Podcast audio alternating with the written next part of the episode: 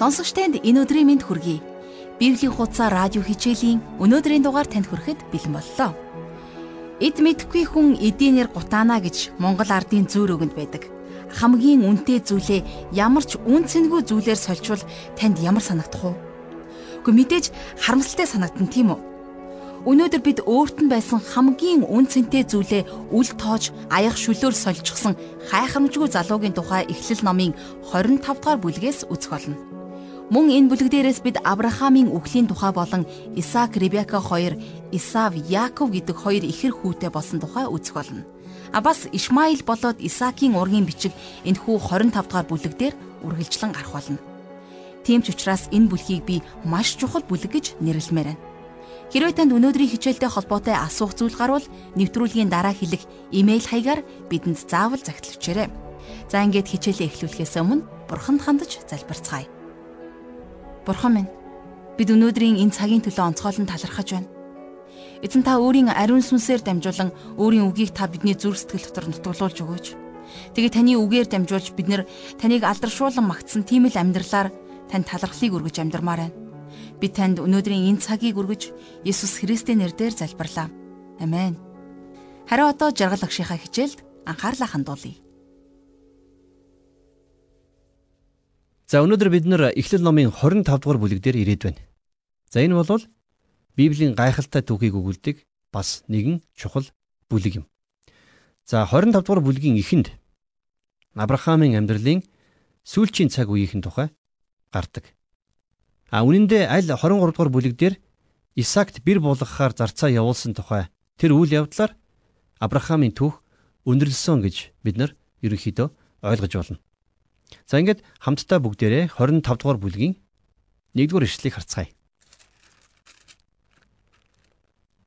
Авраам дахин нэг ихнэр авсан бөгөөд нэр нь Китура.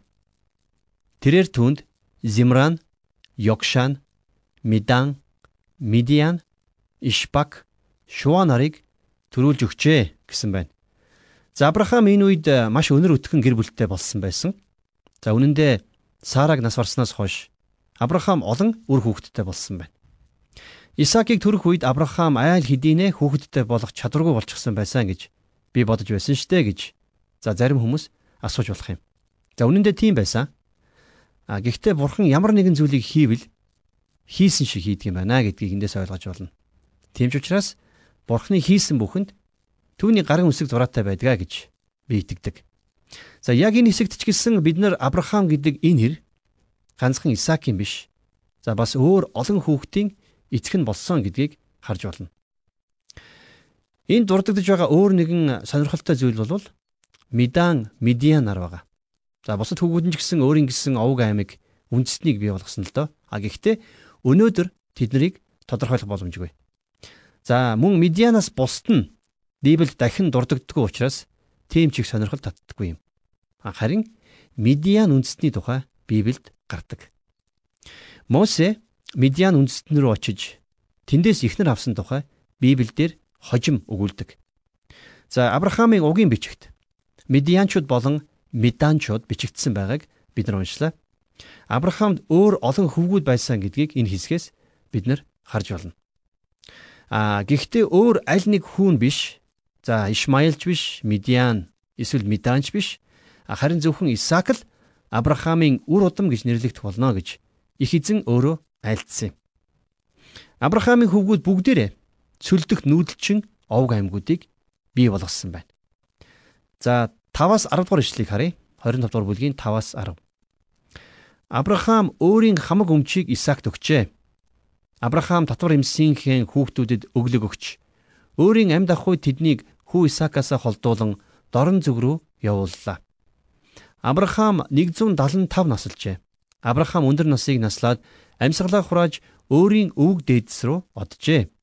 Түүний хүү Исаак, Ишмаил хоёр түүнийг Мамрегийн өмнө талдах хид хүн Зохарын хүү Ефроны талбай дах Махпила агууд оршуулжээ. Тэр газрыг Авраам хидчүүдээс худалдан авсан байв.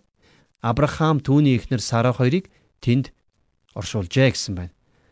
За Ишмаил аав Авраамынхаа оршуулганд оролцохоор ирсэн. А тийхүү Исаак Ишмаил хоёр хамтдаа Авраамыг оршуулсан байна.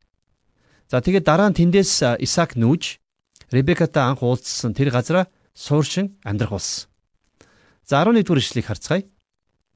Авраамыг нас барсны хойно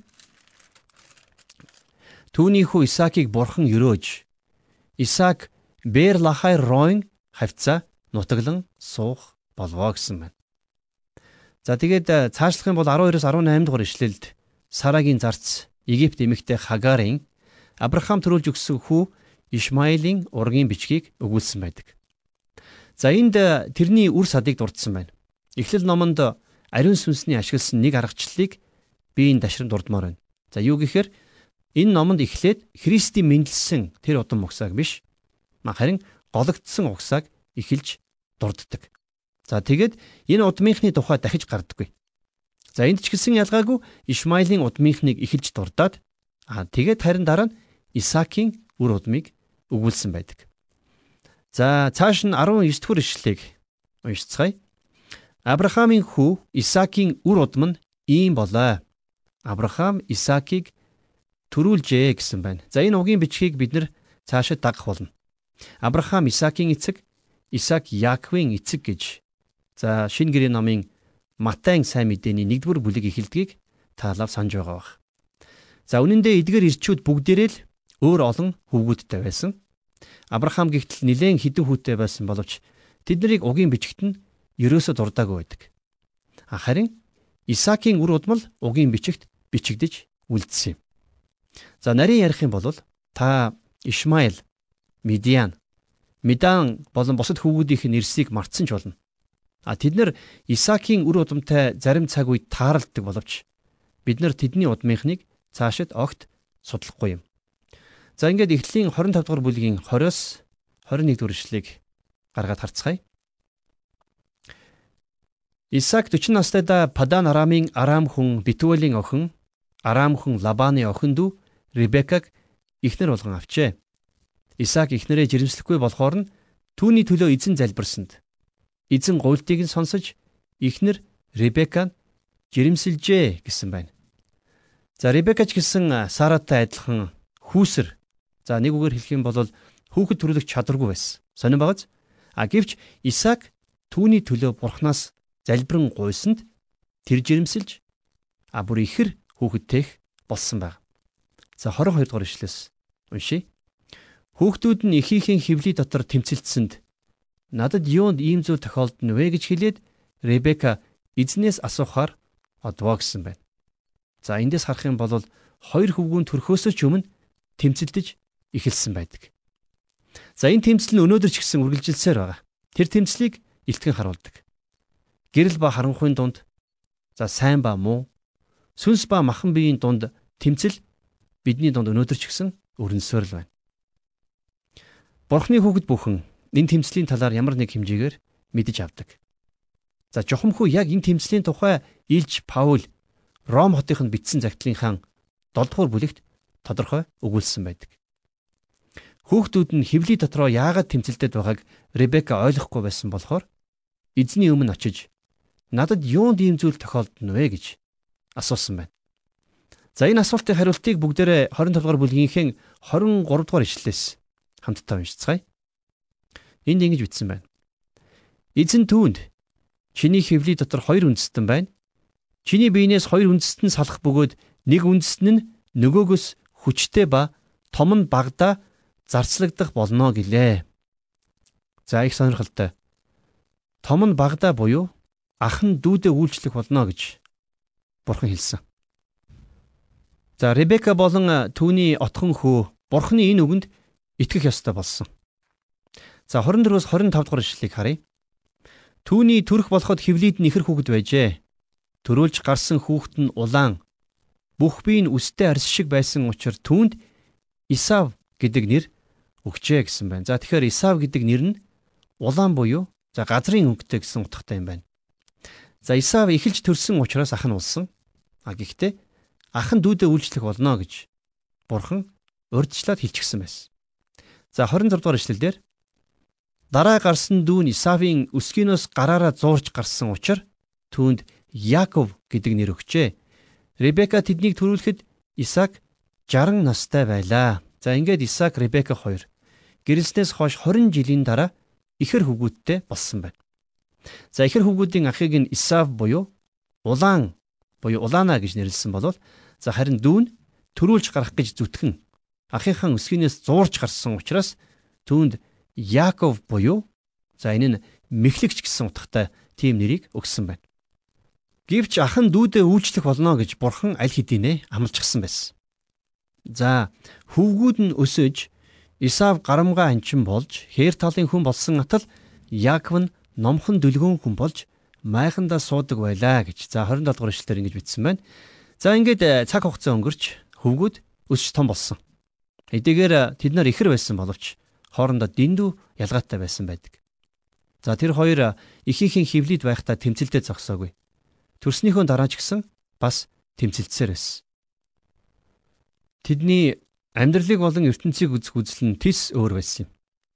Тэдний үзэл бодол хандлага нь дэндүүх ялгаатай байсан. За надад жишээлсэн Исав Яаковаас илүү аятайхан санагдсныг энд нуух юм. А гэхдээ ямар ч хүнийг гаднах төрхөөр нь шүүхгүй байхад бид нар суралцах хэрэгтэй. Харин альва хүнийг дотоод байдлаар нь үнэлж цэгнэх учиртай юм. За тэгээд бас Библиэлд хөвгүүд өсөж томорчээ гэсэн байна. За тэд нар өсөж том болоод Исав болвол хээр талын хүн болсон. За бас гарамга анчин болсон байгаа. За орчин үеийнхээр болвол яг л тамирчин хүн шиг.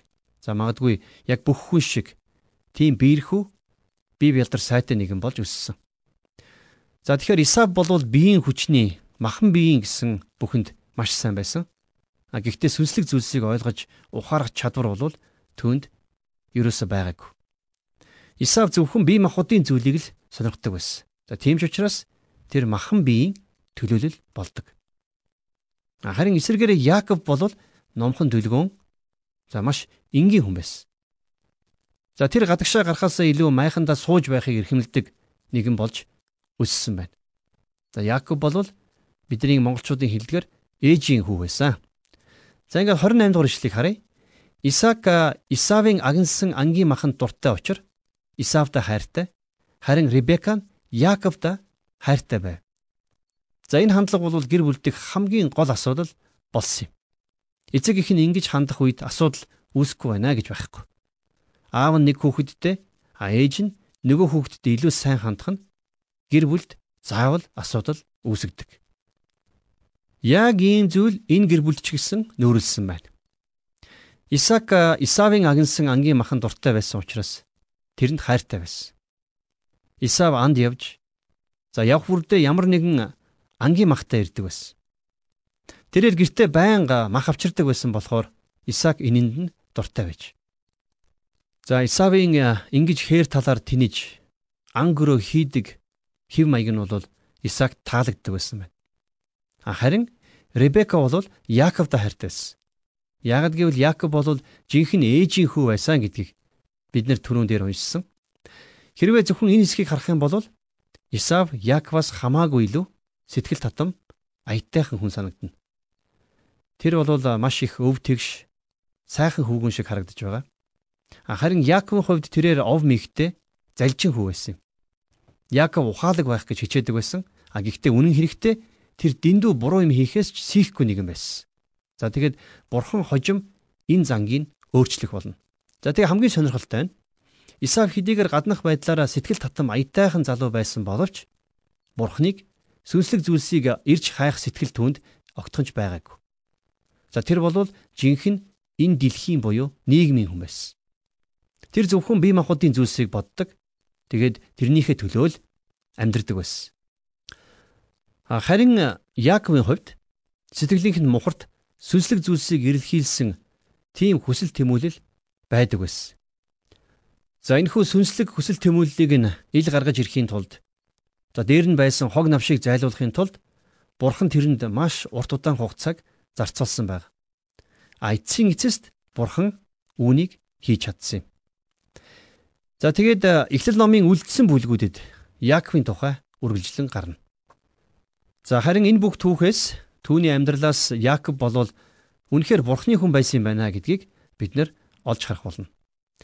За эцэг эх хоёр нь хоёулаа хүүхдүүддээ ингэж ялгарлаж ханддаг байсан нь энэ гэр бүлд тэмцэл зөрчилдөөн авчирсан гэдгийг та сайн ойлгосон баг. За би л хувьдаа энэ гэр бүлийг ад жаргалтай гэр бүл гэж хэлж чадахгүй. За одоо хамтдаа энэ гэрт болсон нэгэн үйл явдлыг үздэцгээе. За энэ тухай 29-с 32 дугаар ишлэлдэр бичсэн байгаа. Яаковыг шүл буцалгаж байтал Исав хээрээс өлсөж ядран эргэж иржээ. Исав Яаковт хандаж би өлсөж ядарсан учраас чи улаан шүлнөөс надад идүүлнэ үү гэжээ. Иймээс Исавыг Едом гэж дууд холжээ. Яаков ууган хүү байх эрхээ өнөөдөр надад худалдаач гэсэнд Исав би өөхөх гэж байна. Ууган хүү байх эрх надад ямар ашигтай юм бэ гэжээ. За энэ үйл явдал бол хоёр залуугийн жинхэнэ мөн чанарыг харуулж өгч байна. Исав хээр хөдөө явж ядарч бас үхтлээ өлссөн байсан. За уг нь Авраамийн үр удамд өлсөж өгсөн нэг ч хүн байгаагүй. Тэдний идэж уух юм үргэлж илбэг дэлбэг байдаг байсан. За харин яагаад чи энэ удаад Исавд идчихмээр юм байсангүй. Харин Яаков шүл чанаж таарсан. Яаков ихэвчлэн гэртээ байдаг байсан болохоор сайн тогоож байсан байж таарна. За Исав Яаков дээр очиод Би өлсөж ядарсан учраас чи улаан шүлнөөсөө надад идүүлээч ээ гэсэн. За иймээс Исавыг Едом гэж дуудахулсан байгаа. За тэгэхээр Едом гэдэг нь Исав гэдэг үгтэй адилхан улаан буюу газрын өнгөтэй гэсэн утгатай. За Исавыг шүлнөөс гуух үед Яаков энэ боломжийг ашиглахар шийдсэн. Тэр бол залтай их овжин хүн байсан. За тэгээд дээрэс нь тэр ууган хүүгийн эрхийг авахыг ямагт санаарахдаг байж. За тийм ч учраас ууган хүү байх эрхээ өнөөдөр надад худалд гэсэн байгаа. За би энэ төр зогсоод ууган хүү байх эрх гэж юу болохыг. За энэ нь ямар утгатайг тайлбарлая л да. За энэ нь юун төрөнд гэрийнхээ тэргүүн байх гэсэн утгатай. За мөн энэ нь шашны хувьд гэр бүлийнхээ тахилч нь байна гэсэн. За яг энэ гэр бүлийн хувьд бол ууган хүү байх эрх гэдэг нь Христийн мэдлэх тэр овгийн өвөг дээдс нь болно гэсэн үг байсан. За Исав энэ бүхнийг үнэлж үзэж байсан гэж та бодож байна уу? Тэр үнийг огт оошоодгүй гэдгийг Яаков сайн мэдэж байж. Тэр энэ бүхэнд ямар ч ач холбогдол өгдөггүй. За бас гэрийнхэн тахилж болохыг огт хүсдэггүй хүн байсан. За үнэн дээр тэрэнд энэ бүхэн огт чухал биш байсан. Исав яг л ийм хүн байсан. Тэр иймэрхүү зүйлийг огт сонирхдаггүй байсан байна. За хэрвээ хэн нэг нь түүнийг номлогч, удирдагч, эсвэл ахлагч гэж дуудах юм бол магадгүй тэрээр өөрийг нь доромжилж байна гэж үзэх байсан байх. Тэр үнэхээр ууган хүү байх эрхийг авахыг хүсээгүй. Тэрээр Христийн өвөг дээдс болно гэдгээ огтхонч тоож ойшоосонгүй. Уул нь ийм зүйлийг тоохгүй өнгөрөхөн байхгүй л баймаар. Харин Яаков энэ байдлыг нь мэдэж байсан болохоор хэрвээ чи надад ууган хүү байх эрхээ худалдвал би чамд буурцагны шүл өгье гэж хэлсэн байна. За Исавч гэсэн энэ найманд сэтгэл хангалуун хандсан. Тгий тгий ууган хүү байлаа гэд ямар ашигтай юм бэ? Тэрний оронд аяг шул уусан дээрээ гэж. За сүнслэг зүйлсийг Исав иймэрхүү байдлаар үнэлж үздэг байсан байна. Гэхдээ Яаков ч гэсэн энд нэгэн буруу зүйл хийсэн байгаа. Учир нь бурхан ахан дүүдээ үйлчилнэ гэд амлчихсан байсан. За бурханы товлсон цаг болоход ууган хүү байх тэр ирэх түүнд гарцаагүй ирхэл байсан. Яаков тэр цагийг хүлээж чадаагүй учраас бурханы амлсан зүйлсийг өөрийн хүчээр авах гэж оролдсон. Тэр авхаалт самбаа гаргаж залжин аргаар үүнийг олж авсан байна. За уул нь тэр бурхан энэ эрхийг өөрт нь өгөхийг хүлээх хэрэгтэй байсан юм. Залуу Яаков хүн өөрийнхөө төлөө чадах бүхнээ хийх хэрэгтэй гэсэн зарчим баримталдаг байсан юм шиг байна. Өөрөө өөрийнхөө төлөө хийж чадаж байгаа цагт бурхныг хийж өгнө гэж хүлээх шаардлагагүй гэж үзэж байсан байна. Тэр өөрөө өөрийнхөө ажил хэргийг өлхөн аваад явчихж чаднаа гэж бодож байсан. За дэлхийн жишгээр авч үзэх юм бол тэр ихэндээ үнэхээр амжилттай явж байсан. Гэхдээ нэг л өдөр бурхан түүнийг амьдралын их сургуульд дуудсан юм. Харин тэр сургуулийн захирал нь хэн байсан гэ?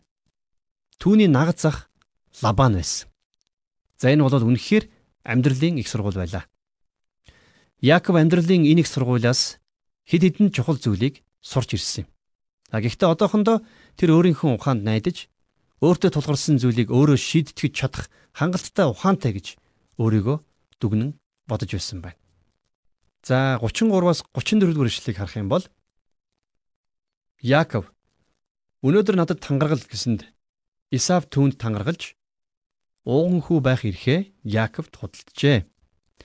Яаков түүнд эрс буурцагтаа шүл талхтай өгсөнд тэрээр идэж уугаад босож явв. Исав ууган хүү байх эрхээ ингэж үл тоомсорлов. За дахиад сүүлийн хэсгийг уншийе. Исав ууган хүү байх эрхээ үл тоомсорлов гэсэн байна. За энэ бол Исавийн нөхцөл байдлыг тодорхойлсон хамгийн гол тодорхойлт болж байна. Тэгээд Исав тухлан суугаад чөлөө идсэн. За тэрний хувьд ууган хүү байна гэдэг ямар ч үн цэнгүй зүйл байсан юм.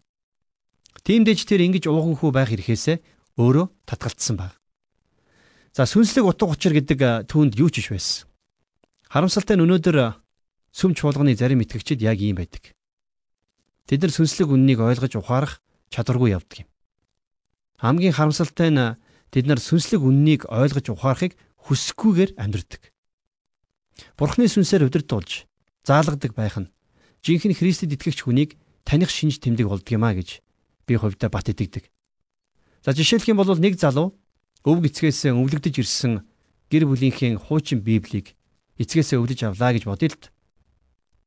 За тэгээд дүүн энийг нь авахыг хүсэж 50000 төгрөг санал болгож гин.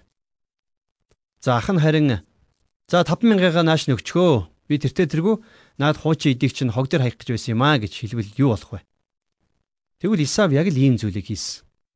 А гэхдээ энд Яаковч гэсэн бас буруу юм хийсэн гэдгийг бид нар мартаж болохгүй. Бид нар тэрний овжин байдал, залим ихийг за тэгээд дараа дараагийн бүлгүүдээс илүү тодорхой харах болно.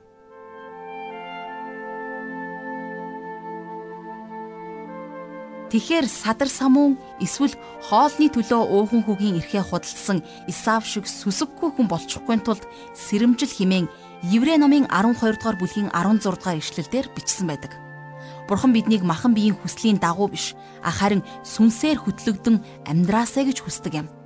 Тиймдээч Еврей номон дээр биднийг махан биеийн хүслээсээ болоод сүнслэг ивэл өрөөлөө алдсан Исав шиг хүн битгий болоорой гэж сануулan ятгсан байдаг үлээ. Бид заримдаа өөрийн хүслээрээ буюу махан биеийн хүслээрээ явх үедээ Бурханаас ирж байгаа тэр их ивэл өрөөлүүдээс татгалзаж амьдардаг. Бурхан биднийг махан биеийн биш харин сүнслэг зүйлсийн хойноос мөшгөөрэй гэж хүсдэг шүү дээ. Тиймээс хамтдаа өдөр бүр махан биеийн хүслийн дагуу биш харин Бурханы хүслийн дагуу алхаж амьдарцгаая. Тэхийн тулд нэвтрүүлгээ жаргаагаад хамтдаа Бурханд хандаж залбирцгаая. Бурхан минь та биднийг ивэж таны хүслийн дагуу таны сүнсээр удирдуулан амьдрахад бидэнд туслаач. Махан биеийн хүслийн дагуу бузар муу гим нүгэлтэй замаар биш. Бас өөртөө ашиг хонжоо олохын тулд бусдыг хохироож буцдаггүй. Бас үн цэнтэй тэр сүнслэг ивэлээс татгалздаг тийм олхоогүй, овлоггүй хүн болохоос биднийг та хамгаалan сэргийлж өгөөч. Бид танд ирэх өдрүүдээ амь амьдралаа танд өргөж, даатгаж, Иесус Христийн нэрээр залбирлаа. Амен.